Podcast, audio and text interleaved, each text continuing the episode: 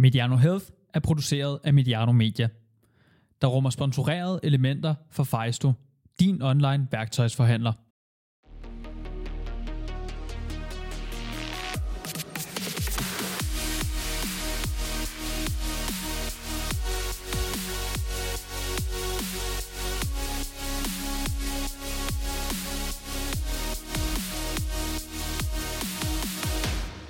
Velkommen til Mediano Health. Mit navn er Henrik Duer. Jeg er træningsfysiolog. Og i denne podcast her, der har jeg Miskov med mig, og øh, vi skal tale om sundhed, motivation, kosttræning og ikke mindst øh, forandring. Og hvis du ikke lige du kender Miskov, så er øh, hun den mest vindende bordtennisspiller nogensinde. Og øh, hun har også, måske er det du kender hende fra, været med i Vild med Dans tilbage i 2013, og den vandt hun faktisk. Velkommen til, Mi. Tak. Og øh, lige inden øh, du får lov til at fortælle lidt mere om dig selv, og vi taler lidt om, om din baggrund, så øh, vil jeg lige øh, fortælle, hvad, hvad skal vi igennem? Mm. Vi starter med at høre lidt om, om, om din historie. Øh, du er gået fra at være altså elite-elite med det mindset, øh, til at have en helt anden tilgang øh, til livet. Du har været igennem en, en stor forandring. Den skal vi tale om. Mm. Vi skal også tale om... Øh, lidt om, hvordan øh, motiverer du dig selv? Øh, hvad gør du med kosten? Hvad gør du med motion? Og så har du måske også et par gode råd til dem, der sidder og lytter derude, som måske skal igennem en forandring eller overvejer, øh, hvordan skal man gribe det an. Mm. Så lad os øh, tage hul på det. Lad os gøre det. Og øh, jamen ligefrem øh, første spørgsmål, det er jo, hvem, hvem er øh, Mie Skov? Hvor, hvor, er du egentlig, hvor gammel er du egentlig? Øh, jeg har fyldt 33 i sommer. Tillykke med det. Ja, tak. Og, øh, men men øh, hvor kommer du egentlig fra i Danmark? Hvor er du vokset op henne? Jeg er født og vokset op i Frederikssund og gået i folkeskole der. Øhm, og flyttede hjemmefra som, tror jeg, 17-årig. Øhm, flyttede jeg ind til byen, så boede jeg der lidt. Det var, det var tidligt? Det var ret tidligt, ja. Var du træt af mor og far? Øh, nej, egentlig ikke. Jeg tror ikke, at øh, jeg ville have været øh, noget som helst, eller øh, opnået det, jeg har nået i min sport, hvis ikke det havde været for dem. De har jo... Øh, med, må man godt bande øh, i det her ja, podcast? Ja, du må, ja. Okay, fedt. Øh, de har jo kørt mig land og rige rundt og, og, og fulgt mig. Øh, så, så nej, jeg var bestemt ikke træt af dem. Men, øh, men jeg har været, altid været sådan en, der, øh, der har gjort mange ting på egen hånd, og jeg har haft ret meget fart på. Jeg har, jeg har vidst, hvad jeg, hvad jeg ville, øh, og så er jeg gået fuldt ud efter det. Det gjorde jeg også i en tidlig alder. Og det der med en tidlig alder, du startede også med bordtennis i en tidlig alder, mm, eller hvad? Ja, jeg tror, jeg startede som seksårig blev slæbt med i hallen, fordi min bror han spillede, og min far tror jeg faktisk også spillede. Øhm, så jeg har været i, ja, i mange bordtennishaller og fodboldhaller og, og rundt omkring, og jeg tror, jeg har dyrket alt, hvad man kan dyrke af sport. Øhm, og hvorfor det lige endte op med bordtennis, det, øhm, det må guderne vide. Men øh, du var vel, du fandt ud af, ud af relativt tidligt, at du var god til bordtennis. Mm, ja, men, men jeg, ja, jeg tror, at øhm, når der er noget med en, med en bold at gøre, så falder det mig ret naturligt ind. Så jeg spillede rigtig meget tennis også som barn. Jeg spillede også fodbold og håndbold og alt muligt. Men jeg, jeg tror, jeg faldt for, for bordtennisen, fordi at, øhm, at det var lidt anderledes. Og jeg har altid sådan selv på en eller anden led været lidt anderledes, så det passede ret godt med, at jeg kunne øh, skabe mine egne veje og, og gå dem selv på en eller anden måde. Og hvornår trak du så valget om, at det her, det skal bare være bordtennis, og så 100% fokus her? Mm, det tror jeg, jeg gjorde i en alder af sådan 11-12 år. 11-12 år, ja. Der spillede jeg rigtig meget tennis også.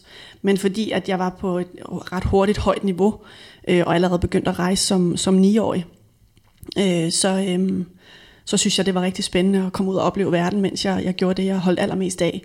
Øh, og der så jeg også nogle muligheder for at kunne gøre noget som den første, fordi der havde ikke været andre øh, bordtennisspillere eller sådan idoler på kvindesiden, jeg sådan kunne se op til. Så jeg gad godt at være hende, nogen så op til, tror jeg. Det er altid dejligt. Ja. Og så øh, kommer du vel på, på landsholdet på et tidspunkt? Ja, der var jeg 13 år. På seniorlandsholdet? Ja, jeg havde debut som 13 år, ja. Sådan. Så jeg blev ret hurtigt sådan voksen, altså rejste også på egen hånd og skulle ligesom bo alene, og egentlig når jeg tænker tilbage, har det sådan været ret barsk, altså jeg har blevet voksen ret hurtigt, øhm, og det har faktisk været sådan lidt ensomt undervejs, når jeg tænker over det. Så en masse træningslejre, og det er sådan en, oh, yes. men du havde vel også nogle, nogle holdkammerater, øh, altså, eller konkurrenter, om du vil. Ja, ja, men det var, ja, det var det. Men, men de var så meget ældre end mig. Altså de har måske været, det ved jeg ikke, 7-8 år ældre end mig, måske endda mere. Så jeg var bare hende der, den pissirriterende pestilens, der snorkede, og som de ikke øh, havde så meget lyst til at bo på værelse med, og sådan noget. Og, øh, og snakkede måske også lidt om nogle andre ting, end de gjorde. Så jeg, jeg, jeg fandt mig aldrig rigtig sådan ind i holdet på den måde, og har altid sådan været sådan lidt på siden på en eller anden måde.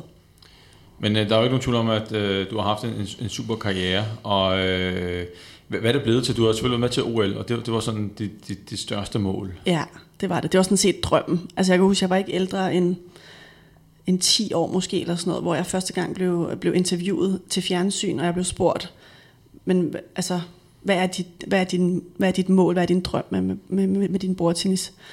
Og sagde jeg bare, uden at tænke, jeg er jo ikke sådan, jeg havde tænkt over det før, så var jeg bare sådan, jeg vil bare med til OL. Og det kom sådan, og siden har jeg gået benhårdt efter det. Var, var det der, du var, var bedst? Det var, hvad var du været, en 5-26 år der? Ja, det passer meget godt.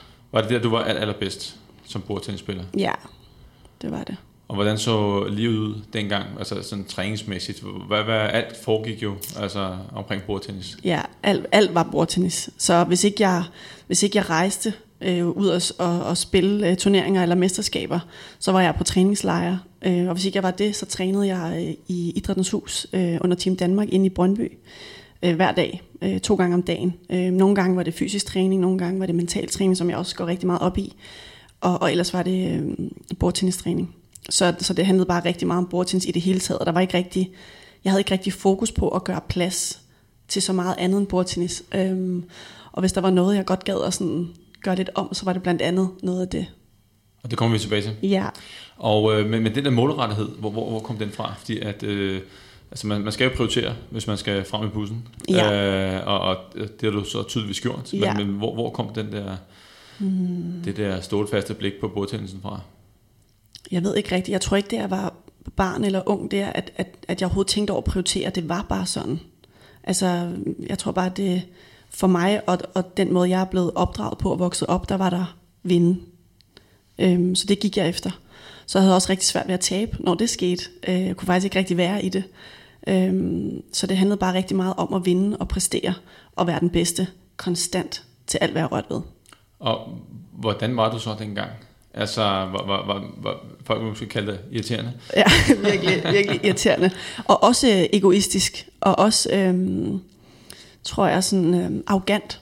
Fordi at jeg, tror jeg, var så dedikeret og passioneret, at, øh, at jeg glemte lidt øh, alt det rundt omkring, og specielt også menneskerne rundt omkring. Jeg havde fokus på at, at nå mit mål, øh, og blive så dygtig som overhovedet muligt.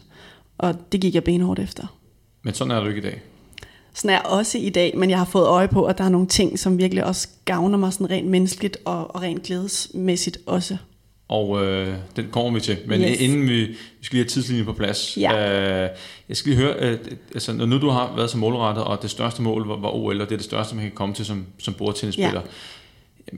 Hvad, hvad så efter? Altså, i, du er i midten af 20'erne, mm. øh, og det var OL i 2012, Ja, og øh, du vinder nogle kampe, og øh, hvor langt kommer du ind i turneringen? jeg kommer i tredje runde, Tredje og runde. holder min seedning og tæt på at gå videre egentlig, men, men ja, Og, men, men jeg tænker, at jeg ved fra vægttabelsverden, og Mm. øh, når man når sit mål, mm. øh, det alt overskyggende mål, måske mm. at komme ned på en bestemt vægt, 70 kilo, ja, så skal man være lidt opmærksom på, hvad der så sker bagefter. ja. Fordi at, øh, var der et tomrum for dig efterfølgende? Absolut, absolut. Altså præcis som, som vi talte om før, så siden jeg var ni år, vidste jeg, at det var det, jeg ville, og det var det, jeg gik efter. Øhm, og det er en rimelig lang vej, altså det er jo, ja, det er jo praktisk talt øh, 15 års øh, slid og slæb for at nå dertil. Og, og fire år for inden OL i 12, altså i, i 8, der, øhm, der havde jeg øh, under kvalifikationsturneringen tre matchbolde for at slå mig ind til OL allerede i 8, som ville være et kæmpe resultat. Øh, det var det også i 12, men der ville det være sådan endnu større. Øhm, og der mislykkedes jeg. Jeg kan huske, jeg stod i en, øh, en hal i Frankrig, hvor at øh, hallen var, var fyldt med tilskuere og, og havde fokus på, på, på mit bord, fordi det var finalen. Øh, og jeg fører 10-8 i, i afgørende sæt, og jeg har tre matchbolde for at slå mig ind til OL og bringe min OL-billet i sikkerhed, som jeg har villet altid. Og lige det der, jeg står der ved bordet og kaster den der bold op, så bliver der bare stille i den der hal, og det går op for mig, hvad jeg er i gang med at præstere. Og fordi det går op for mig, hvad jeg er i gang med at lave, mister jeg på en eller anden måde momentum og begynder at tænke. Og så mislykkes jeg. Og så var det jo godt, der kun var fire år til næste OL. så kunne jeg ligesom bare øh, starte forfra med at, med at træne og, øh, og gøre mig endnu dygtigere til fire år efter. Hvor Men- det så lykkes. Og det var der, da det lykkes, det var den der sådan glæde og lettelse, som jeg har kæmpet så meget for. Så det var egentlig mere det, der var succesen, end selve det at være til OL. Mm. Hvis det giver mening. Ja, det giver absolut mening, men jeg, jeg, jeg vil gerne tilbage til, det, det var vel en kæmpe skuffelse. Ikke i 2008. Mega. Og, og der er mange, der hvad skal sige, oplever skuffelser her i livet, som ja. er kæmpe store. Ja. men, men hvordan kom du videre? Altså, du, øhm, du startede vel med at grave ned i et sort hul? Ja, jeg startede med at sætte mig ned i træningshallen og græde tre timer træk til en eller anden så mod i sang. Øhm, og når det så var sagt, øh, så, øh, så gav det mig faktisk også endnu mere blod på tanden, for nu kunne jeg se, at jeg faktisk havde muligheden for at indfri min drøm. Jeg havde været så tæt på. Så, så ja, jeg gravede mig lidt ned i et hul, og, og synes, det var ærgerligt, men kunne samtidig godt se, at jeg havde spillet min livsturnering. Så jeg måtte jo tage det med, jeg kunne bruge, og jeg så en masse kampe, og kunne tage en masse med. Øhm, så jeg tror ret hurtigt, jeg kom op af det der hul, og fandt det endnu mere blod på tanden for at indfri min, min drøm øh, fire år efter. Så det var bare, øh, der var en vej, og det var, øh, det var fremad, og så var det bidet tænderne sammen og kom derud af. Og så kom du, når du er målet, kom jeg til OL. Mm. Og, øh, men da du kommer hjem, øh, var, var der så et, et stort tomrum, så, hvor du ikke rigtig vidste, hvad du skulle? Eller? Ja, det synes jeg, det var som om lidt efter OL og efter den oplevelse, øh, både hos mig selv, men også det at kunne, apropos min familie, som har været bag mig altid, kunne også give dem den oplevelse. Det var også en, en kæmpe del af det at, at være med, øh, og de kunne fejre det med mig på en eller anden måde. Øh, så da jeg kom hjem derfra, var det lidt som om, at luften sådan langsomt begyndte at sive ud af, af min ballon. Og det var så, hvad skal jeg sige, uanset om det er bordtennis, eller om mm. øh, man motionerer og spiser sundt forbindelse med vægttab, eller hvad det nu måtte være, så er det farligt, når hvad skal jeg sige, øh, luften går ballon, vigtigheden falder. Ja. Fordi hvad, hvad skal så holde dig inde i det? Det er det. Øh, og det er derfor, at, som vi også skal snakke om lidt, lidt senere, jamen, mm. hvordan fastholder man, man den der motivation? Ja.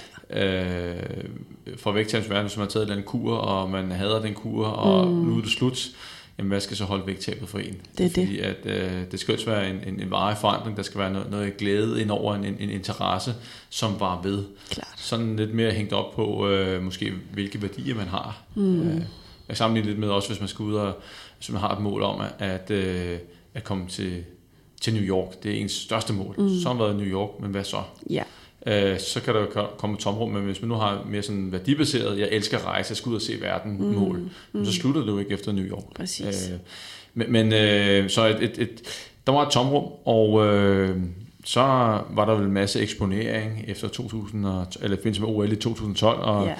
du øh, kom også med i, i Vild med Dans mm. i 2013, og mm. jeg ved, at jeg har jo talt med dig tidligere, yeah. at, at øh, du er ligesom en form for vendepunkt, et eller andet i, i dit liv. Mm. Øh, jamen, fortæl mig lige lidt om, hvordan kom du med i Vild med Dans? De ringede til dig og sagde, øh, vi har brug for... Ja, de havde faktisk ringet sådan i flere år i træk, men i og med, at jeg var så dedikeret, så skulle jeg ikke blande pærer og bananer sammen, øh, havde jeg lidt en idé om. Så jeg ville gerne vente til sådan, den der luft var begyndt at sådan, så småt se ud, og jeg havde mod på at bruge kræfter på noget andet. Øhm, og, øhm, og jeg er altid sådan meget nysgerrig efter at lære. Altså jeg elsker at lære nye ting. Så... Øh, og hvis jeg kunne lære at danse, så, øh, så gad jeg faktisk godt det. Jeg har faktisk aldrig rigtig set programmet, og vidste ikke rigtig sådan, men vil du, vil du lære at danse øh, af en, der kan finde ud af det, det, det gad jeg virkelig godt.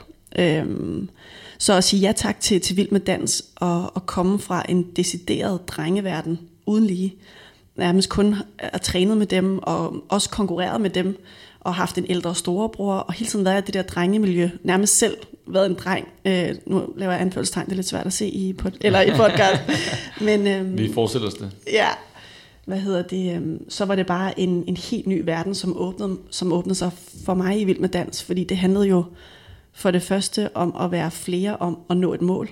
Øhm, det vil sige min dansepartner og jeg, vi kunne have succes sammen, men vi kunne også falde igennem sammen. Og det der med at have en at støtte sig op af, var virkelig øh, rigtig fedt at opleve, at man kunne gøre noget sammen i et team, for det havde jeg ikke rigtig prøvet før. Jeg havde i hvert fald ikke formået at se min karriere som et team, selvom jeg havde træner og alle mulige omkring mig. Det var mig, mig, mig, mig, og lidt mere mig. Øhm, så det var rigtig fedt at opleve det andet. Øhm, og så hele det her med at øhm, opleve en feminin side af mig selv. Stå der øh, lige pludselig i, øh, i stiletter og en anden frønsekjole med perler, og jeg vidste ikke engang, vidste ikke engang hvad det var. Så den der, den der lidt blødere side og feminin side begyndte at vise sig stille og roligt under Vild med Dans. Og på derværende tidspunkt havde jeg også et mål, og det var at, at vinde. Øh, det var også det første, jeg sagde til Mads. Da jeg mødte ham, jeg også sådan lidt, prøv at høre, øhm, jeg glæder mig helt vildt til det her, og jeg er virkelig glad for, at jeg har fået dig som dansepartner. Du skal bare vide, at jeg har sagt ja, fordi jeg vil vinde. Og så kigger han bare på mig sådan små grin og siger, ja, måske vi lige skal prøve at tage et par dansetrin, og hvordan du sådan lige bevæger dig. Og jeg var sådan, ja, jamen, du skal bare sige, hvad jeg skal gøre. Jeg skal nok gøre det. Øh, så det er sådan hele min sådan, tankegang med, at øh, jeg, jeg, jeg bider tænderne sammen til at kan det, og jeg gik heller ikke hjem, før jeg, jeg kunne de trin, jeg ligesom skulle kunne. Så, så hvor meget træning lå der egentlig i det? Fordi jeg tror, der er loft på i dag, ikke? Hvor mange timer? Der, der er loft på, men det, det er kun i det første, jeg tror det er fire programmer eller fem programmer, og så er det unlimited. Altså så kan du bare køre, øhm, og det gjorde vi. Så det sidste trænede vi jo, det ved jeg ikke, otte timer om dagen. Jeg kan også huske øh, min... Øh, medpodcaster, Eskil, mm. øh, han var også med i en tur i Vild med Dans. Ja. Øh, han, han vandt dog ikke, han kom i, i, i finalen. Øh, på et tidspunkt, der øh, havde jeg en lille øh, virksomhed sammen med Eskil, og øh, bare en meget sjov anekdote. Jeg kan huske, altså Eskil er jo, øh, er jo også, hvad skal jeg kalde det, en, en vindertype og en dårlig taber, mm. øh, konkurrencemenneske. Ja. Øh, og jeg, jeg kan da huske, at, at øh, inde på kontoret, så sagde han, ja, men altså, han vil kun lige bruge et par timer om ugen på mm. det, og så videre. Men, ja. øh, Han blev klogere. han blev pludselig klogere. Ja, ja. altså stak det, ikke stak af for ham, men lad os bare sige, at prioriteterne blev vendt lidt op og ned. Ja. Så pludselig så, så ville han også gerne vinde, øh, ja, og, øh, eller ikke se dum ud, hvad man nu... Øh, mm. Måske en blanding. Ja, måske, ja. måske en blanding. Ja. Og så tog fanden ved ham også uh, træne selvfølgelig uh, he, helt vildt. Ja. Men, men uh, det er at være sammen med andre, og uh, uh, og den måde, at du fik set eller prøvet en feminin side af dig selv. Mm. Hvad, hvad, hvad gjorde det ved dig? Øh, hvilken, hvilken retning tog det dig sådan rent forandringsmæssigt? Mm. Jeg tror, at, at det, der sådan kendetegner vild med dans, og det at være i et team og gøre noget sammen med andre, det er emnet langt væk egentlig af kærlighed. Altså, at, at vi øhm, krammede hinanden, og vi hæppede på hinanden, og vi var der for hinanden, og det var nyt for mig. at fejre, når det gik godt. Og når det ikke gik godt, jamen så, så, kunne man, så kunne man trøste sig lidt hos hinanden og, og komme op på hesten sammen igen. Og det var, det var specielt nyt for mig. Øhm, fordi i, i, i min karriere var det mig selv, og når jeg, når jeg vandt, så var det ligesom mere en lettelse, end det var en glæde. Så jeg formåede aldrig rigtigt at, at fejre min sejre under min karriere. Så, øhm, og når jeg vandt, øh, eller det var når jeg vandt, og når jeg tabte, var det bare for ringe. Altså så var det bare for dårligt, så måtte jeg fandme tage mig sammen, eller træne lidt hårdere, eller du ved, det var altid sådan, det var meget barskt. Så jeg tror, jeg begyndte at lære i Vild med Dans, at øh, altså have glæden ved at gøre det, man gør, og huske på at fejre det, der går godt, og ikke bare tage det for givet, men virkelig anerkende sig selv for den indsats, man har lagt for dagen, for det er ikke små ting. Og det var det jo heller ikke under min karriere, der havde jeg bare ikke fokus på det. Så det ændrede, hvad kan man sige, lidt min verden i forhold til, hvordan kunne jeg begynde at, at lægge mærke til, når jeg rent faktisk gjorde en indsats, og begynde at anerkende mig selv for den. Det var noget nyt, og nyde processen, frem for kun at fokusere på vinde, vinde, vinde. Og hvis du øh, går tilbage til, til gamle Mi, bordtennis Mi, 24 år, mm. på vej mod øh, OL-kvalifikationer og, og så ja. videre, øh, øh, hvad, hvad vil du så måske have sagt til dig selv, hvis du giver dig selv øh, et par gode råd med den nuværende Mi? Mm, jeg tror, jeg ville have øh, slået et kæmpe slag for lige at vippe de der skyklapper sådan lidt længere ud af, så det ikke bare var altså den dedikation kan jo en masse ting, men den sørger også for at lukke en masse andet ned. Så jeg gad godt at kunne have sagt til mig selv, at at kunne fjerne dem en lille smule og åbne øjnene og se, hvad der er omkring mig. Lige prøve at nyde processen lidt undervejs. Nyde sejrene, nyde alle de lande og de kulturer, jeg har været i. Lige prøve at mm, stoppe op og trække vejret, anerkende mig selv for den indsats, jeg har lagt for dagen for at nå mine mål, frem for bare at tage det for givet og synes, jeg var top elendig, når jeg ikke gjorde det helt 100%. Når man skal, skal sige, øh, forandre folk, øh, så er der selvfølgelig forskellige teorier. Noget taler om noget, der status of changes. Er, er man egentlig parat til forandring? Man kan være en før over, eller nogen kalder det en fortrænger. Man er slet ikke mm. i, i kontakt, uanset, man kender det for en ryger, som siger, at døden skal have en årsag, og det ja. rager ikke dig, og så videre. Mm. Dem kan man måske ikke tale om forandring med. Øh, der skal måske bare så et kim om mm. øh, i tvivl. Mm. Øh, og så er der dem, der er i overvejelsesfasen, jamen, de ved godt, det er en god idé, men så kommer alle de ting, som trækker ind ned, og så er der dem, der nu skal i gang osv. Der er forskellige stadier, yeah. men, men, men tror du, at øh, du var lydhør dengang? Hvis nu, at der var kommet en hen til dig, en træner, en ven, veninde, og havde sagt til dig, du skal nyde processen. du skal huske at fejre din sejr? Nej, det tror jeg ikke havde gjort nogen forskel. At der var nogen, der havde sagt, hvad jeg skulle gøre. Men jeg tror, at det havde gjort en kæmpe forskel, hvis jeg havde haft en, en coach eller en eller anden form for støtte, som havde spurgt ind til, hvad vil det rent faktisk give dig? Og have en eller anden form for glæde og fejring, og stoppe dem op og nydelse undervejs. Hvordan ville det være? Så jeg kunne begynde at reflektere over, okay, hvordan ville det egentlig være at rent faktisk glæde mig over en sejr, eller begynde at anerkende mig selv for min indsats? Så vil jeg jo forhåbentlig også på daværende tidspunkt kunne begynde at mærke, okay, det vil, det vil, det vil, det vil gøre en forskel. Altså det vil, det vil være en forandring i sig selv, og et, et mønsterbrud af rang, hvis jeg kunne begynde at nyde det, jeg gjorde undervejs. Så det der med at få, det der med at flytte mennesker, som jo også er det, jeg gør, og det, jeg står for, men at ikke at sige, hvad de skal gøre, men få dem til at mærke forskellen, hvis de selv gjorde det. Men også den måde, man kan sige, du stiller spørgsmål på, der, der, der kommer et, et åbent spørgsmål. Det er ikke sådan et ja-nej spørgsmål, men, men, men det, det får folk til at reflektere det det. Over, over tingene, og det er jo ja. også måden, man skal gøre det på. Ja. Øh, specielt folk, hvis de er i den der måske førovervejelsesfase, øh, mm. så, så et kim, eller begynder at reflektere over det, det, det. og på et tidspunkt så øh, bliver der måske mere og mere, der taler for en, ja. en, en, øh, en, en forandring. Så det er et vigtigt, vigtigt spørgsmål. Og øh, så, hvad hedder det, øh, så er du vild med dans, og øh, det ender med, at øh, du vinder. Ja. Og hvordan var det? Det var, det var, det var, det var sindssygt. Altså, er du gal en, en tur? Altså, fire måneder, hvor vi, øh, hvor vi knokler, og jeg overskrider den ene grænse efter den anden, og øh, står der foran over en million mennesker hver fredag i en eller anden sindssyg paljet, øh, perle, frønsekjole, en eller anden sindssyg farve, øh, med makeup og brun tam-tam ud over det hele. Altså, det var virkelig sådan kunne du snakke om at være uden for comfort zone. Øh, det var jeg i høj grad. Øh, men jeg synes også, det var, øh, jeg synes også, det var så lærerigt og så berigende at være med. Og det er bare som sagt starten på min øh, sådan indre udvikling og, og lyst til at kigge på mig selv. Jeg fandt ud af, at der var, der var mere glæde og, og feminitet inden under alt det der hårde, barske, jeg skal den vej, og det kan kun gå for langsomt attitude. Så hvad, hvad skete der så bagefter, udover du helt sikkert, at der var interviews, du var ude at i nogle store centre, eller hvad, hvad det nu ja. var?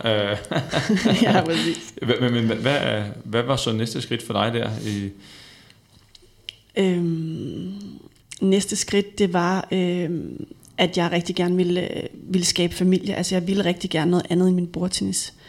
Øhm, og, øhm, og vi endte med at få en, en søn i, øh, i 15.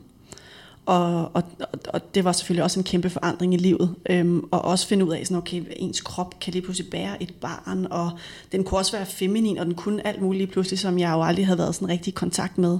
Så der skete en masse forandring der, øh, og også en masse glæde, jeg fandt ind til, at tænke, okay, det vil jeg rigtig gerne have meget mere af. Og det gik op for mig, at det ikke havde været der særlig meget under min karriere. Altså jeg havde ikke været særlig glad under min karriere, og havde egentlig ikke måske heller overvejet eller blevet spurgt om, hvad der egentlig i princippet gjorde mig glad, og om jeg egentlig trives i den der barske sportsverden. Det tror jeg egentlig ikke, jeg gjorde, men jeg gjorde det bare alligevel, fordi det skulle jeg gøre, agtigt. Og det er fordi, du gik den der osteklokke. Ja, det kan man godt sige. Og jeg tror, der er mange, der går sådan en, en, en osteklokke, og, øh, og så er det vigtigt måske lige at, at prikke til dem, for ja. folk til at lige at, at reflektere over det. Ja. Fejsto.dk er din online værktøjsforhandler. Vi har altid ekstra skarpe priser på et udvalg af vores bedste varer. Jeg hedder Bettina, og jeg er klar til at hjælpe med alle de spørgsmål, du har omkring vores sortiment. Ja. Nu, nu er du jo øh, uddannet coach. Ja. Og øh, øh, hvornår kom, kom det ind i billedet egentlig? Jamen det kom egentlig ind i billedet, sådan, øh, da vores søn Benjamin Nora var sådan noget et års tid. Øh, der kunne jeg mærke, at der blev nødt til at sætte mig selv ned på banen og begynde at finde ud af, hvem er jeg, når jeg ikke er hende der bordtennisspilleren? Øhm, hvem er jeg så? Hvad står jeg for? Hvad vil jeg gerne i livet? Øhm, for jeg vidste ikke. Jeg vidste i bund og grund ikke rigtigt, hvem jeg var. Og det havde jeg en eller anden kæmpe længsel efter at finde ud af. Og det kunne jeg kun finde ud af ved at begynde at kigge ind af og begynde at arbejde med mig selv. Og hvad, hvad, hvad, hvad skete der så, når man begynder at kigge ind af? Det, det, det var noget, altså man kan jo råde alle til at gøre det, og finde mm. ud af, om man er på rette spor, om man mm. er glad der, hvor man er. Mm. Uh, det er jo lidt den der be happy og die trying. Ja. Uh, hvis man er glad, jamen, så må man gøre noget ved det. Præcis. Men, men uh, jeg vil sige, fik du der en, en ubehagelig overraskelse? Det gjorde jeg også. Altså det der med at arbejde øh, med sig selv og sådan på det dybere plan, øh, øh, det gør også ondt. Men ude på den anden side er der bare så meget lys og så meget frihed til at kunne være den, man er med alt, hvad man er, uden at, at sådan skulle begrænse sig selv så meget. Øh, og man kommer ikke sovende til noget. Altså en af mine filosofier er jo også, at, at det at være menneske, det er jo, eller livet er en stor træning. Så der er en masse, vi måske synes, vi er dårlige til, eller burde blive bedre til. Men sandheden er måske i virkeligheden, hvor meget har du i virkeligheden trænet det? Og jeg havde ikke trænet særlig meget på at kigge, øh, kigge indad, eller tur, tur ændre min adfærd. Men øh, det begyndte jeg at gøre der, og det var ikke øh, altid øh, lige spændende og sjovt, men, men det var absolut nødvendigt, hvis jeg ville flytte mig, og det ville jeg. Jeg kan forestille mig, at, øh, at du måske har været nødt til at træffe nogle øh, mindre svære og så lidt svære beslutninger, fordi mm. at når man finder ud af, at man måske ikke er på et helt rette spor, mm. men man skal i en anden retning, mm. øh, så skal man jo ændre på, på en masse ting. Ja. Og lige så vel som man kan forestille sig, at man sidder i job lige nu, det kan være, mm. at dem, der lytter med, sidder i job, og så kan man mm. stille øh, spørgsmål derude. Jamen, kan du se dig selv være i det job om, om tre år? Mm. Og så kan man jo tænke lidt over det. Hvis ja. så svarer nej til det, jamen, så ved man jo, mm. at på et eller andet tidspunkt, så skal man skifte job. Ja. Ellers så kommer man til at, at svigte sig selv. Øh, og øh, var der så var der nogle lidt større ting, du, du skulle bokse med? Var, var det bare livet landvej for dig, eller mødte du også nogle bump på vejen? Nej, overhovedet ikke. Altså, der sker jo det, efter vi har fået vores søn. Så et halvt år efter bliver min daværende kæreste ramt af en aneurisme i hjernen.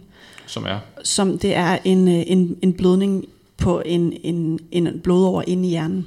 Øhm, og når blod begynder at sive ind i din hjerne, så er det rigtig skidt. Øh, han stoppede heldigvis relativt hurtigt, så han nåede kun at mærke sin, sin lammelse i kort tid, og så skulle han opereres, øhm, og kom så rigtig godt efter det. Men cirka halvdelen dør af at få sådan her aneurisme, sådan et kritisk sted, som han fik det.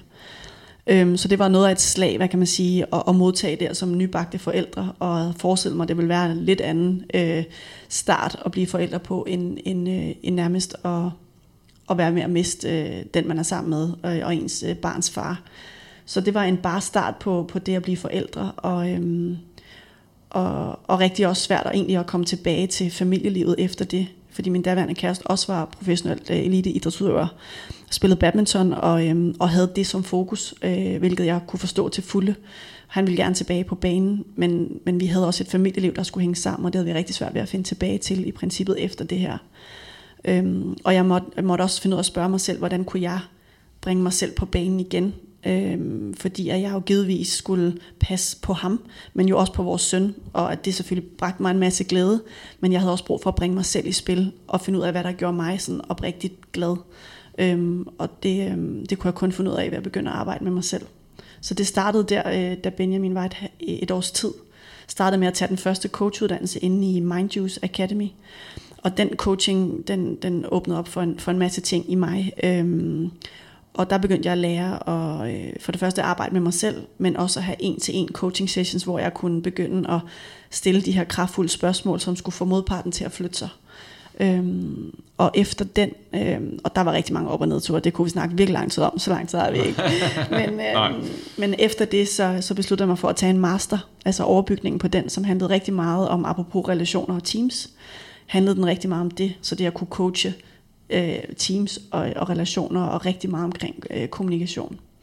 Øh, og det har været en sindssygt øh, spændende rejse, og, øh, og gjorde, at jeg måtte tage nogle valg undervejs, og valgte også at og måske springe ud i den vildeste øh, forandring ved at, at gå for mig selv, øh, fordi jeg blev nødt til at finde ind til, hvad der i virkeligheden gjorde mig glad, og jeg var ikke glad der, hvor jeg var. Så jeg begyndte at tage personligt ansvar, øh, og jeg begyndte at kigge på, hvad kunne jeg gøre for at opfylde min længsel. Øh, og det, øhm, det var, det var at få lidt øh, knups på vejen. Og sindssygt frygt, øh, rigtig meget frygt på spil. Altså turde jeg det? Kunne jeg det? Var jeg god nok? Altså alle de der spørgsmål, som jeg tænker, at mange af lytterne også må sidde med, når, når man står på kanten og gerne vil noget andet. Men, men tør jeg? Kan jeg? Og, øh, og jeg må bare sige, at man finder kun ud af det øh, ved at prøve det. Man kan ikke tænke sig til det. Det gad jeg godt, man kunne, og det prøvede jeg også i lang tid. Men jeg Prøv fandt at visualisere, ligesom for de gode gamle bordtenniskampe, øh, hvordan kommer kampen til at blive, hvordan laver den første sav og, ja. og sådan ting. Så hvordan var det så? Øh, nu er det jo et stykke tid siden, du sprang ud over klippen, hvad det ja. vil sige. Øh, ja. Har det været det værd? Har det været den, den, den rigtige beslutning? Ja, det har det. Det har det absolut. Altså jeg føler lidt, at øh, hvis jeg sådan skal sådan sætte et billede på, så føler jeg lidt, at jeg øh, stod på, på et virkelig, virkelig højt bjerg, og bare, øh, eller ikke bare, det der bare, det hedder jeg jo det ord, for der er ikke noget, der er bare, så havde vi jo bare gjort det. Men at jeg stod på det bjerg og sprang ud uden livrem og seler med min søn under armen, og anede ikke, hvordan jeg skulle lande på nogen måder. Så, så det har jo været sindssygt øh, sådan, øh, angstprovokerende også bare at tænke på, øh, og tage den beslutning, og i øvrigt også ødelægge, så at sige, den drøm, jeg har haft om at, at skulle skabe en kernefamilie og, og fuldblodet søskende til, til min søn.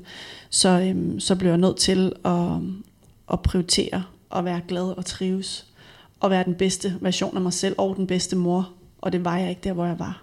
Tror du ud fra dit arbejde og selvfølgelig også din personlige erfaring, at der er mange, der øh, sidder derude og, og, og fortrænger og ikke øh, bevidst eller ubevidst øh, kommer sådan i, i kontakt med med det, der egentlig gør dem glade, det, de egentlig gerne vil. Mm. Øh, det kan både være i parforhold, det kan være jobbet, det, det, det, kan, det kan være mange ting, eller bare livet generelt. Øh, har du en, en vurdering af det? Det tror jeg, der er rigtig mange, der sådan, jeg nogle gange, når jeg er sådan lidt i det flabede hjørne, kalder jeg det, at, at jeg har en oplevelse af, at mennesker sover. Altså det, det gør rigtig mange af os, det gør jeg også selv indimellem. Så jeg er meget optaget af at prøve at holde mig selv vågen. Altså hvad er det netop, der, der får mig til at mærke, hvordan jeg har det.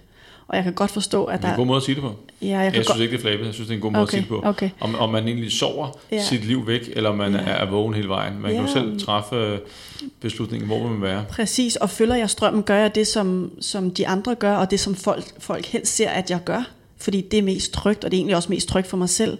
Eller tør jeg begynde at kigge på, okay, men hvad vil i virkeligheden gøre mig endnu mere glad? Og begynde at kigge på, okay, men hvis jeg vil handle på det, så er der jo selvfølgelig en række konsekvenser, jeg bliver nødt til at tage stilling til. Øhm, og det er jo dem, der gør rigtig mange gange, at folk lader være med at træffe de her valg, og lader være med at handle på det, for konsekvenserne er for uoverskuelige.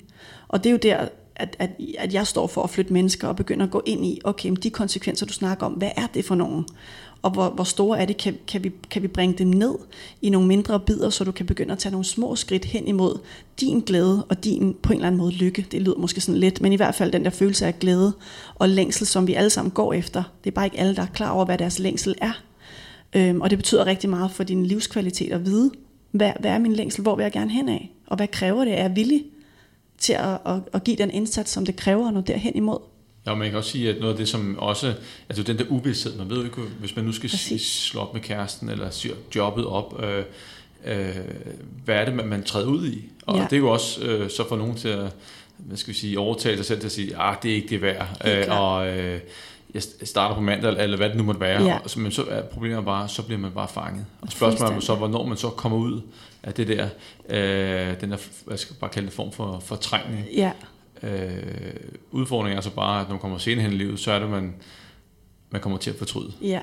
Øh, og det, det er jo næsten det, det værste af, af det hele. Ja, og det er jo også det, jeg har arbejdet rigtig meget med, det her med, og, altså uanset hvor meget tid du bruger på at prøve at regne noget ud, ud i fremtiden, så kan du bruge uendelig meget tid på det, og du kommer helt sikkert ikke til at kunne regne det ud, uanset hvad.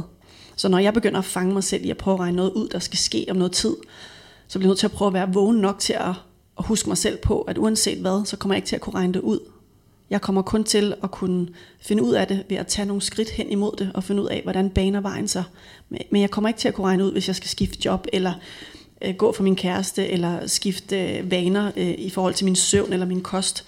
Jeg kommer ikke til at kunne regne ud, hvordan det bliver, før jeg prøver at tage skridtet. Så det kræver helt klart noget mod, og måske også en, en holden i hånd med et menneske, som, som står for at støtte dig, og ligesom holde dig lidt sådan en eller anden form for, for sikkerhedsnet, fordi det er sindssygt grænseoverskridende at gøre noget andet, end det vi plejer. Og, og det er lidt det, man, man kan selvfølgelig bør overveje. Altså, hvis man går med de der tanker, øh, forandringstanker, øh, nu, nu skal der ske noget, tør jeg, kan det lade sig gøre, mm. og, og, og de ting, så er det måske en god idé at få fat i en, en professionel, eller en god veninde, en ven, og, og, og vende tingene med, ja. øh, så man ikke går med det, og så måske kan det blive vendt til ens øh, fordel. Ja. Men, men, men jeg tænker også, at da du tog spring, fordi det, det er jo et, et, et kæmpe spring, øh, får man så ikke uanede kræfter slash motivation? Eller hvad? Altså jeg kan grund til at spørge det, fordi mm. at øh, i persontrænerverdenen, Øh, der øh, nu er med til at uddanne persontræner. Og, øh, og mig. Også dig, ja, ja. det er rigtigt. og, øh, men, men der er ligesom to veje, når man, øh, øh, man kan blive sådan lidt deltid, man har sin nuværende job, og så, hvad hedder det, så prøver man lidt at få persontrænerkarrieren op ved siden af, og så er der dem, som klipper alt og siger, jeg går all in, jeg siger mit job op, øh, og nu satser alt på det her. Mm. Og vi kan jo se, hvem der selvfølgelig får den største succes. Det er jo dem, som pludselig øh, sætter hånd på kogepladen, risikerer alt mm. øh, for, for det, de gerne vil. Mm.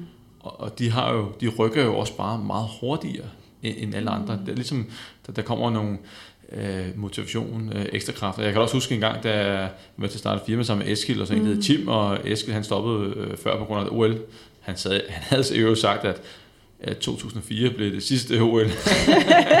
der blev han også klogere. ja, han også klogere, men så kommer der 2008, og så ja. er det svært at selvfølgelig at være, være fuld tid. Øh, men, men, men jeg stopper så tilbage i 2010, og jeg kan også huske, øh, da, da jeg sagde mig selv op øh, og, og sprang ud og var, princippet var arbejdsløs. Mm. Det, det, det, det gav også en masse motivation, uendelige mm. kræfter for at rykke på andre ting. Men jeg ved ikke, hvordan det er i sådan et, det har jeg ikke prøvet i sådan et, et, et, et parforhold eller mm. noget andet, hvor... At, Men hvad krævede det egentlig at tage den beslutning der, dengang? Jamen det, det var jo, at øh, jeg har, mit, mit favoritspørgsmål er, kan du se dig selv fortsætte? Mm. Øh, det næste, hvad ved jeg, år, arbejdsjob og så videre, situation kan lidt længere tid, mm. så men jeg kunne ikke se mig selv være i, det job de næste tre år. Jeg havde prøvet alt, og ud, øh, det gik egentlig meget øh, fint, at vi havde gode kunder, gode jobs og så videre, men, mm. men jeg savnede noget personlig udvikling. Yeah. Og så var det godt for mig, at jeg kunne ikke se mig selv fortsætte. Så var spørgsmålet, så, så ved jeg jo inderst inde, på et eller andet tidspunkt, så bliver jeg nødt til at tage beslutningen. Mm. Og jeg kan lige så godt tage den med det samme. Uh, så, øh, men jeg ventede faktisk lige et, et, to år, og det er fordi, der kom en finanskrise i 2008, mm. som troede virksomheden, og der var masser af andre ting, så det var måske et dårligt tidspunkt, og du ved, så stikker ja. halen mellem benene, ja. og det, så, så Men du vidste, den skulle tages? Det, jeg vidste, den skulle tages. Ja. Det, det var bare et, et spørgsmål om, om, om tid. Mm. Og det der med, om man kan se sig selv fortsætte, det synes jeg, det, det er jo et vigtigt spørgsmål, det er også et farligt spørgsmål. Ja, og, præcis. Øh, og hvis man skal, måske fordi jeg har rundet de 40, men, men, jeg har fundet ud af, at man har altså kun et liv. præcis, præcis. og og øh, tiden går, og for hver ja. sekund, man er i et forkert job, mm. øh, med en forkert kæreste, med et forkert hvad som helst, mm. så spilder man rent faktisk tid. Ja. Fordi det er langt bedre derovre, hvor man er sammen med en rigtig ja. kæreste i det rigtige job. Ja. Så, så, øh, og ikke dermed når det er sagt, så er jeg helt enig, men også det der med ikke bare flygte for det, der er svært, men selvfølgelig, som du også siger, at, at prøve at gøre alt, hvad der står i ens magt, og begynde at tage noget ansvar for, okay, kunne, kunne det forandre sig der, hvor man er også, Præcis. så man ikke bare heller kaster håndklædet, men at man virkelig forsøger, øhm, og når man så har forsøgt, nemmere kan kigge sig selv i øjnene, og så bliver beslutningen også, tror jeg, nemmere at tage, når du skal ud den der frygtelige, øh, det der frygtelige sted, som mange forbinder det med at være ude for ens comfort zone, den tror jeg bliver et my nemmere at tage, når du har givet dig selv muligheden for at gøre alt, hvad der stod i din magt inden. Helt sikkert. Ja. Vi skal faktisk lige tilbage til bordtennisen, mm. øh, fordi at øh, du blev pensioneret på et tidspunkt, og du gjorde også comeback. Ja. Men, men øh, forklar lige årsagen til, at du lod dig pensionere i en tidlig alder, som, fordi du, du var jo ikke færdig som bordtennisspiller. Nej, nej. Jeg tror bare, at, øh, at jeg havde en følelse af, at, at luften som sagt var begyndt at sive ud, og at jeg havde været i det samme game, i den samme hal i 20 år, og havde spillet de forhænder, øh, jeg skulle øh, på daværende tidspunkt, og havde jo i øvrigt ikke nyt det undervejs. Så jeg havde brug for at, at gøre noget andet. Øhm, og, øhm, så jeg efter Vild med Dans, det 13, så bliver jeg gravid, og spiller med den der mave der. Jeg kunne fandme ikke engang save, fordi den fyldte jo så meget, jeg måtte begynde at save, øh, jeg måtte begynde at save baghånd. Øhm, så, øh, så jeg spillede helt op til, at, at vi ligesom skulle have ham. Og, øhm, hvad, hvad fanden var det spørgsmål, Henrik? Jamen det var, du, du lød dig pensionere. Ja. Øh, ligesom, øh, ja. Rollen var måske udspillet, og nu bliver du gravid, kan jeg forstå. Præcis, det var der, det ligesom, altså, det var der, at jeg ligesom besluttede mig for at lægge battet lidt på hylden. Og så er jeg sådan en type, lidt ligesom før, altså jeg, jeg gør meget tingene, enten så gør jeg det, eller så gør jeg det ikke. Så enten så spiller jeg fuldt, eller så gør jeg ikke. Og der lagde jeg, lagde jeg battet på hylden, og var sådan faktisk lidt sådan nu, kan det også, nu, nu, nu har jeg ligesom gjort det, øh, slut færdig med det. Og jeg havde ikke nogen idé om, at jeg skulle tilbage og spille bordtennis. Nu skulle jeg være mor, og jeg skulle finde ud af, hvad livet ellers havde at byde på. Øh, og så fik vi vores barn, og min kæreste kommer til skade, og der sker alt det her. Og det var, apropos det der med at prøve at regne det ud, så var det ikke lige det, jeg havde regnet med.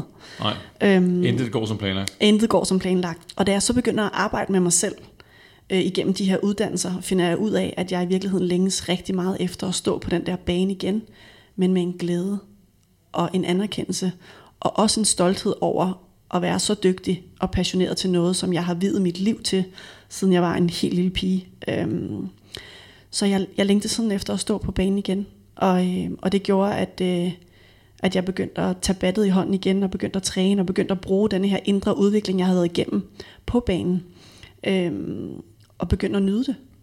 Og det var så vildt at, at og kom tilbage til bordet, og landstræneren begynder sådan, her, du begynder at spille igen, og vi kunne måske godt lige bruge en hånd her på landsholdet, og har du, har du mod på at, at, være, at være med og dele ud af din erfaring og din viden, og der er ikke noget heller vildt i verden. Altså det der med at, at give ud af sig selv og give det videre, og, og flytte andre mennesker, det er jeg totalt optaget af, øhm, og det var jeg også der. Så jeg besluttede mig for at, at begynde at træne igen, og, øhm, og lave comeback på landsholdet, det var sidste efterår. Og det var også lige der, jeg var gået for min daværende kæreste, så der skete bare rigtig, rigtig mange ting. Men at stå der på banen, jeg følte nærmest, det var som at... Jeg havde ikke spillet i fire år, der havde battet ligget på hylden.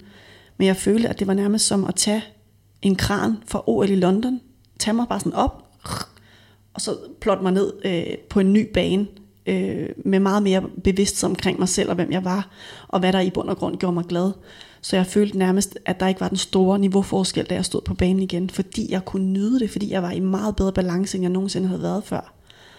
Øhm, så det var faktisk ret øh, sådan rørende at stå på banen igen og, øh, og nyde det og, og føle, at de der skyklapper, som jeg talte om før, var sådan øh, mere eller mindre væk, og jeg kunne begynde at, øh, at anerkende modstanderne, og jeg kunne sige tak, fordi dommeren gad at komme og sidde og dømme min kampe, og sige tak til hende, der havde bagt en kage, og du ved lige pludselig få øje på, at okay, der er ikke kun mig i den her verden, og, øh, og det er virkelig rart at være en del af noget. Øh, det var kæmpestort. Hvad, har du så nogle ambitioner nu på bordtennis siden? Øh, jeg har i hvert fald en ambition om, at når jeg står på den bane, så skal det nydes til fulde. Øh, og jeg vil glæde mig hver gang, og det gør jeg også, hver gang jeg både træner og, og spiller kampe. Men jeg har ikke nogen som sådan ambitioner om, om nogle resultater i den forstand, øh, som det er lige nu. Men altså, man, man ved sgu aldrig. men, men, men du har også andre hvad skal sige, fokusområder. Du er blevet coach, og øh, du arbejder med et, et, et, et, dit eget koncept, der hedder Race the Bar. Ja. Og hvad, som var helt, helt kort, hvad, hvad, hvad, hvad fokuserer du på, øh, når du skal forandre, hjælpe, motivere og rykke øh, mm. folk i, øh, hos dig som coach i det der Race the Bar? Mm. Men i Race the Bar, der, øhm, der er jeg jo øh, personlig træner, og jeg er coach, og jeg står i den grad for at flytte mennesker. Og det gør jeg ved at, at bruge min empati og min, hvad kan man sige, min erfaring, men også den her interesse i at vide, hvad foregår der inde i dig. Så at kunne stille de der kraftfulde spørgsmål og få dig til at flytte dig, og være på din side og støtte dig igennem de udfordringer og den frygt, og hvad kan man sige, alt det, der måtte være svært for dig, kunne støtte dig igennem det. For det handler ikke om at flygte fra det, der er svært, det handler om at turde gå ind i det, og komme ud på den anden side, for at man, hvad kan man sige, skaber den her forandring, som jeg jo virkelig gerne vil stå for, at skal være vedvarende og langtidsholdbar.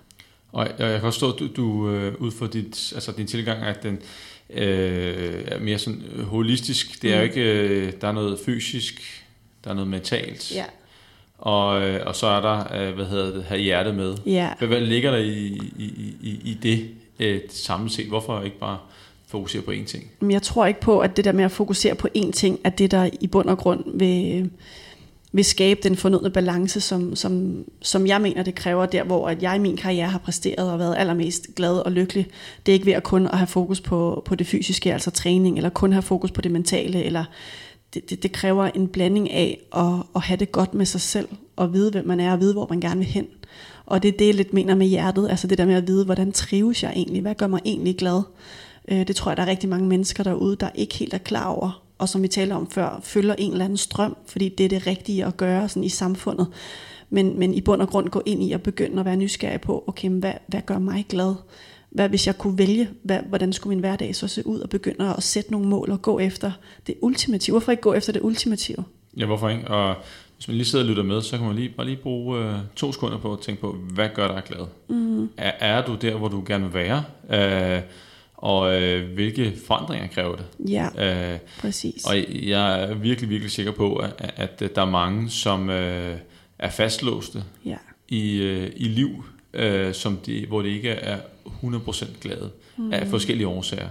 Øh, og så er det jo, at jeg synes, det, det fortjener jo alle at, at, at stille sig selv det spørgsmål. Ja, præcis. Og når, når man så stiller sig selv det spørgsmål, kunne spørge sig selv, okay, er jeg villig til at gøre den indsats, der skal til for at jeg bliver en bedre version af mig selv, eller jeg bliver gladere, eller hvad dit mål nu måtte være. Det kan være alt muligt, men en ting er at gerne ville noget, og det er fedt, men der er rigtig mange, der, der slynger det ud, uden at måske overveje, hvad, hvilken indsats det kræver. Ja, og så hvad, det er det næste. Og, ja, og lige præcis, hvad, hvad kan man så, fordi hvis, men de så svarer nej. Altså, jeg, jeg ved det jo fra, fra vægttabets verden og siger, Ja. jeg vil gerne tabe et kilo om ugen. Ja. Jamen, det vil kræve det og det og det og det. Ja. Er, er du klar på det? Øh, det var du så ikke. Øh, så må vi så enten justere du indsatsen op, eller så må du justere Mm. målsætningen ned. Yes. Der er ikke nogen, der har sagt, at vi er nødt til at slukke projektet. Det siger Nej. vi ikke. Vi- Du sagtens gå i den samme Ja. retning, men det bliver et andet tempo. Ja, Måske et andet scenarie, du har forestillet Ja. dig. Men stadigvæk i, i, i, i den rigtige retning. ja. Men hvad- når, du, når folk de så bliver stillet over for... Altså, jeg, jeg kan godt forestille mig, at, at når det går op for folk, at, øh, de ikke er glade der, hvor de er. Mm. Øh, de skal være et andet sted, men det kræver en enorm indsats at komme derhen. Ja, Hvad, pokker skal man gøre? Fordi det, nogle gange så, så den der, det der bump, ja. øh, eller Som man kan føles som et bjerg, ikke? et bjerg, øh, Ja. og man ikke tør tage at springe og alle de ting, der, Ja. hvad, hvad, hvad, hvad kunne man gøre? Altså, hvad kunne... Det, det, det, som jeg gør, den måde, jeg arbejder på, det er at have det der overskyggende mål. Altså det der, det vil jeg, og jeg går efter det, og det er sådan måske derude i horisonten. Og det kan være svært at regne ud, hvilken vej jeg skal komme derhen. Men det vigtige er, at jeg hver dag sørger for at gøre et eller andet mod det der mål. Men at jeg ikke, hvad kan man sige, dag for dag tager det som et nederlag, fordi jeg ikke har nået det der øh, langsigtede mål. Men at jeg, øh, jeg bestemmer mig for at have en handling hver dag, som jeg kan gøre. Fordi hvis jeg gør det, og er i processen, så kommer jeg til at lykkes på et eller andet tidspunkt. Det kræver også en vis portion øh, tålmodighed, og bestemt også noget vilje og noget vedholdenhed. Øhm, men det er den måde, man, øh, man når sin mål, det er at begynde at sætte sig for at gøre noget andet, end det man plejer at gøre, og holde sig selv fast på det hver eneste dag. Bare en lille ting, og få det struktureret. Så, så jeg tror, at, at mange mennesker føler, det uoverskueligt at skulle lave sådan en stor forandring, som det jo, som det jo givetvis kan være. Så at kunne, kunne skalere målene ned til nogle mere spiselige mål, som kan være bitte små mål. Altså det kan være for mennesker, som øh, dem oplever mange af, som gerne vil have deres hverdag og uge struktureret meget mere omkring søvn og kost og mm, træning. Det er dem, jeg arbejder rigtig meget med. Så handler det om at finde nogle, nogle, nogle bitte små mål hver evig eneste dag, som de kan lykkes med, så de også får den der følelse af at lykkes. Så det bliver mere normalt at lykkes, end at mislykkes. Så de kommer ind i den der gode spiral. Ja, man kan jo sammenligne lidt med, at man skal bestige Mount Everest. Øh, Og så er alt fokus øh, på toppen, men, men egentlig så bør fokus være på Base Camp 1. Yes. Fordi at, øh, du kommer ikke til toppen, før du er kommet til Base Camp 1. Præcis. Og vi er lidt over i, i de der delmål, og det behøver måske ikke være så resultatorienteret. Det er måske også, som du siger, at man fokus på selve processen. Mm. Så kan man have en procesmål, Ja. øh, nogle vaner, du skal have indarbejdet, Ja. for at dit slutmål lykkes. Det er det. Og så kan man jo starte der, og Ja. så fordi at, at øh, det er det der med, at hvordan spiser man en elefant? Jamen, Du starter med at tage, en bid, og den kan Ja. være, det får jeg aldrig spist den der. Og starter bare med den første bid, og så går vi i, i, i den rigtige retning. Ja, og så kan det jo føles totalt ligegyldigt at spise sådan en lille bid, fordi det er jo ikke i nærheden af noget. Altså man kan jo tage det der med, at, at, at og gerne vil gå tidligere i seng, altså få mere søvn. Lad os bare tage sådan et helt lavpraktisk eksempel. Så handler det jo om at begynde at træne sig i og vende sig til at gå tidligere i seng. Men det kan starte med at være, hvad, hvad ved jeg, en halv time tidligere, end du plejer. Og så prøve at få inkorporeret den, og det kan jo lyde som en totalt latterlig og ligegyldig mål, men det er det ikke, for du er på vejen derop. Men det kræver noget tid for at få det hvad kan man sige, kørt så meget ind i din hverdag, at det bare sker, at du ligger i din seng kl. 10 om aftenen, hvis det er det, der er dit mål. Og øh, en af de ting, som jeg også forestiller mig, man, altså i din profession også, altså når du har de folk, der, der, der skal ændre noget, det er gået op for dem, okay, mm. jeg, jeg skal derhen. Det, det er jo det med tålmodigheden. Fordi altså, hvis du tager specielt vægttabsverden, Ja. når folk gerne vil tabe sig, så vil de gerne være slanke for 14 dage siden. Ja. Og ikke om tre måneder, heller ikke om Ja. seks måneder. Det, Ja. De er sindssygt utålmodige, og nogle gange så er det øh, er utålmodigheden med til at gøre, at de mislykkes, fordi så Ja. går det ikke stærkt nok. Ja, så er der alt eller intet. Øh, Det, kan helt bare være, det hele kan bare være lige meget, mm. og så sidder man i sofaen igen mm. og, og, og fortrænger. Ja, men, men øh, jeg forestiller mig også, det er jo også et spil om, om tålmodighed. helt klart. Og den vil jeg også gå ind i, og jeg vil spørge dem om, okay, hvad, hvad er tålmodighed for dig? Få dem til at begynde at arbejde med deres tålmodighed. For det tager tid. Altså det tager tid at lave langtidsholdbare forandringer. Punktum. Der er ikke nogen quick fixes. Altså gid der var, men det er der bare ikke. Så hvis man gerne vil en forandring, bliver man nødt til at gøre op med sig selv, og man er villig til at finde ind til, hvordan man finder den vej. Øhm, og det er rigtig, rigtig svært at gøre alene. Og, og plus, at som du også sagde, at det er vigtigt, at man selvfølgelig man, øh, accepterer, at man vil fejle, men man, mm. man selvfølgelig skal lære af, af, af de fejl. Øh, altså, der er jo heller ikke nogen, der bliver øh, Ronaldo, bare fordi de har været til en fodboldtræning. Altså, det, Nej, det er jo øh, præcis. ekstremt kompliceret at Ja. ændre sit liv. Ja, Øh, hvorfor skulle man ra- ramme plet for dag nummer et? det er det. Det, det, det kan jo ikke lade sig gøre. Nej, præcis. Og Det findes du, ikke. Og som du siger, det jo handler om træning, træning, træning, Ja. træning. Øh, så man går jo lige i træningslejr øh, først, øh, inden man, man, rammer rigtigt. Lige Øh, præcis. og det, det, det tror jeg også, at øh, øh, at øh, folk selvfølgelig skal acceptere, Ja. at sådan er det. Præcis, og det er jo også at tjekke lidt ind i, okay, hvad er virkeligheden? Altså, hvis jeg gerne vil tabe mig 15 kilo, jamen, hvordan skal det så se ud, og hvordan bliver det langtidsholdbart, og, og hvad er jeg villig til at spytte i puljen, altså hvad er jeg villig til at give slip på, for at kunne nå det her mål? Bliver nødt til at overveje, hvordan det gøres. En ting er at have målet, det er rigtig fint, men vejen dertil, at skabe den der handling, du kan gøre hver dag, tror jeg er det vigtigste, hvis du vil opnå øh, et eller andet form for mål. Absolut. Vi skal, det lovede jeg også indledningsvis, tiden den, den går jo lynhurtigt her, øh, men jeg ser også, at vi lige skulle snakke om, øh, lidt om, hvordan du spiser, og hvordan du, du, du træner i dag. Øh, selvfølgelig spiller du bordtennis, øh, men du har sikkert, du gør det måske på en lidt anden måde med kosten og, og motion i dag. Mm. Og øh, så, så øh, hvordan ser sådan en, øh, en, en, en dag ud med kosten? Altså, Folk kan jo ikke se dig, det kan jeg, men du mm. er jo i topform, øh, står skarpt. Så, så øh, hvordan bærer du ad? Ja, hvordan bærer jeg mig ad? Altså jeg tror, øh, mit sådan, øh, indre drive og min indre motivation, den kommer så i virkeligheden af variation. Altså at, øh, at jeg får det generelt bedre af at være aktiv og bevæge mig. Øh, sådan både i sind og i kroppen, så jeg, jeg, det er mit fix. Altså jeg bliver nødt til at bevæge mig i en eller anden forstand. Og for mig handler det om at gøre forskellige ting. Så nogle gange kan det være øh, en løbetur, andre gange kan det være en tur på rulleskøjter, eller i går var det for eksempel en badmintonkamp med, med en veninde. Øh, Øhm, så kan det være øh, almindelig træning, som jeg jo selv kommer fra at træne rigtig meget med egen kropsvægt og kropsbevidsthed generelt. Øhm, så kan det være med vægte, så kan det være en fodboldkamp, så kan det være, men det der med at gøre forskellige ting og bruge min krop, øh, så længe der er lidt konkurrence med i det, så er jeg, så er jeg på. Så det, det handler om, tror jeg, at finde ind til, hvad der i virkeligheden motiverer en nedenunder det der med at ville tabe nogle kilo, eller ville altså, være sundere eller se sundere ud, men at man finder ind til, okay, men, men hvad er det, der driver mig også, når det regner? Og jeg har stadig lyst til at spille en tenniskamp, når det regner. Altså, du ved, hvad, hvad, hvad er det, der gør, at jeg har lyst til at være aktiv? Og, og, og, og øh, vi- vigtig pointe, fordi at øh, altså man skal være fysisk aktiv resten af livet. Ja. Og hvis man ikke synes om det, Præcis. så, så kommer det ikke til at ske. Nej, så er du nødt til at finde ind til, okay, hvad, hvad, hvad er det, altså, hvis jeg selv kunne vælge, hvad ville det fedeste så være, og så få det til at ske?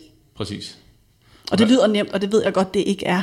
Det kræver benhårdt arbejde også at finde ud af det, og hvis, altså, men det er muligt, det kræver, det, det Men handler jo, Man bliver nødt til at gå i gang. Ja, og det handler også om som menneske, altså det bliver også bare nødt til at sige, at jeg synes, der er så mange, der sætter begrænsninger for sig selv. Jamen, jeg gad så godt det her, men et eller andet, som, som der så står i vejen. Men hey, vi har jo alle sammen et valg. Og der er så mange flere muligheder som menneske, hvis vi vælger at se det som muligheder, end kontra det der med at sidde og have lidt ondt af sig selv, og føle sig sådan lidt, lidt offeragtig, om det er også synd for mig, det er jo også virkelig svært, og ja, men i forhold til hvad, og hvad vil du gerne? Jeg tror også, det er vigtigt, som du også nævnte, at at man prøver at stille op, jamen, hvad er det egentlig, der forhindrer mig i at komme i mål? Mm. Er, er det noget, der sådan er lidt konstrueret, opstillet over for mig selv? Ja. Øh, lad os, nogen vil kalde det en dårlig undskyldning, det skal mm. vi ikke gøre, men, men det er en, en oplevet barriere, Ja. men, men den er konstrueret, den kan vi fjerne. Og så er der, kan der være så en reel barriere, som, altså, som kan være, Ja. altså, det gør, at man ikke kan komme afsted. Præcis.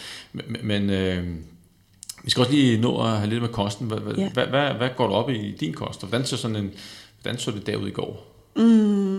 Altså for lige at svare på det første spørgsmål om, hvordan min kost ser ud, så, så, så ser den meget sådan ud, at jeg øh, går op i råvarer øh, generelt set.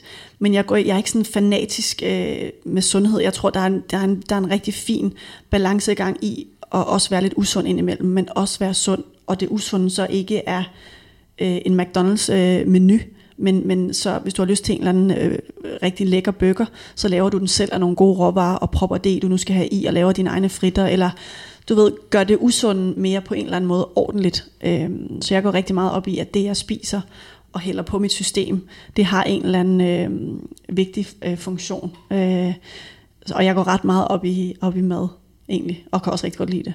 Bare, bare ikke løg. Alt er en løg. Ja. Så hvad, hvad fik du at spise i går? Øh, I går var vi øh, ude og spise noget sushi. Mm-hmm. Det er jeg meget øh, fortæller for, og, og der er også en masse omkring det, og ris og eddike, og der er sukker i det der ris, og der er en masse ting.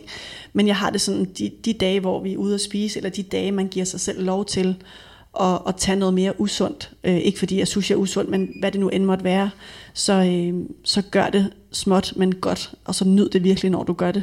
Og så overvejende sund, øh, sund og grøn kost. Ja, Øko, øko, øko.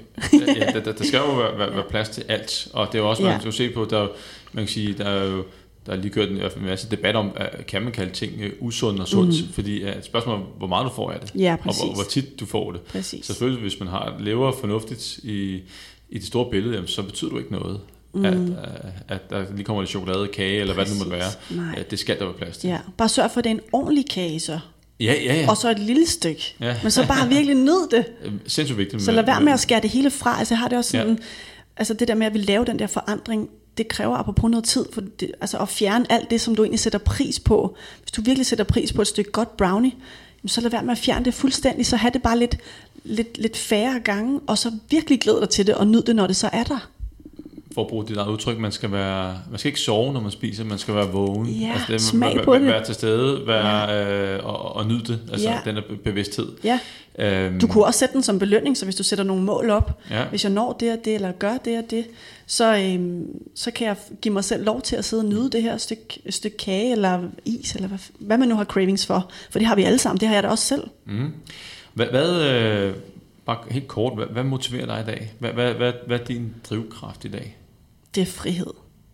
Frihed. Altså at jeg kan, med, med, med den jeg er, det jeg vil, have frihed til at udvikle mig. Øhm, øh, både fysisk, men, men i den grad også øh, mentalt. Så for mig at, at holde mig sund og rask, øh, det gør, at jeg har frihed til at, at udvikle mig og være den bedste version af mig selv. Og også i øvrigt også være den, være den bedste mor, som også er en af mine øh, store mål. Det var, det var god frihed. Yes, den, mm. jeg har ikke hørt den før. Jeg har talt med mange mennesker, men, okay. men nej, men det var øh, et, et, et godt fokusområde. Mm. Øhm, og hvis vi skal til at runde podcasten af, så øh, Ja, nu er vi lige kommet så godt i gang. nu er vi kommet så godt i gang. Øh, men øh, timen er ved at være gået, Ja. og øh, jeg skal lige høre, øh, om, om hvis, hvis du sidder derude, skal der livsstil, øh, der er noget med motivation, forandrer sig, har, har du et eller andet et, et, et enkelt råd eller, eller to, som du tænker, det, det, det bør ikke være det bedste råd, men bare noget, som folk øh, de, de måske bør overveje. Mm. Jeg synes, det der er rigtig, rigtig vigtigt, når man er ude på at skabe en forandring, det er, at man begynder at kigge indad. Begynder at tage noget ansvar for, hvordan er min adfærd? Øhm, hvad siger jeg? Hvad gør jeg? Hvordan kunne jeg godt tænke mig, den skulle være? Så begynder at tage noget personligt øh, lederskab. Øhm, og det kræver måske noget hjælp, at man gør det, men man bliver nødt til at kigge på sig selv først, for det er der, du kan skabe den største forandring. Du kan ikke skabe nogen forandring derude, hvor det handler om andre mennesker, for dem kan du jo givetvis ikke styre. Så det handler om, at du begynder at kigge på dig selv og skaber de forandringer med dig. Så alt starter med dig. Mm, det er et rigtig godt råd, fordi at øh, man er sin egen chef, sin egen ja. Boss. Der er ikke nogen, der kommer til at gøre det her for dig. Der er kun én, der kan få tingene til at ske. Ja. Øh, Men det kan du til gengæld også, og det er jo det fede ved det. det, jamen, det er jo det. Du kan jo få det til at ske. Ja, så det handler om, det er vigtigt, at man, man får taget det ansvar Ja. for sig selv, og over for, også med hensyn til, altså hvis man skal være den bedste version af sig selv, at man alle er jo, en ting er, at man selv bliver glad, men omgivelserne omkring en mm. bliver jo også gladere. Præcis. Arbejdspladsen, man performer bedre, Præcis. der er masser af ting. Det Ja. hele, det, det går hånd i hånd. Præcis. Og det er jo heller ikke, fordi der behøver at være noget galt med den måde, man er på nu. Men det kan være, at man er ude på mere. Man, man, har måske, man har måske lyst til at se, hvad der ellers er muligheder for en. Ikke at, at behøve at gøre sig selv forkert, eller der er noget i vejen, eller noget galt. Men der er bare, der er bare muligheder for meget mere, hvis du vil. Hvis man vil. Det var super fedt, at du gad at komme forbi og, Selvfølgelig. Tak fordi og, jeg måtte. og dele din historie, mm. komme med gode råd og tips til dem, der lytter med. Jeg er sikker på, at, at der er rigtig mange, der sidder og, og tænker derude øh, på den gode måde, om, om det er øh, det helt rigtige sted. Ja. Og så tusind tak til alle jer, der lytter med. Vi høres ved. Hej.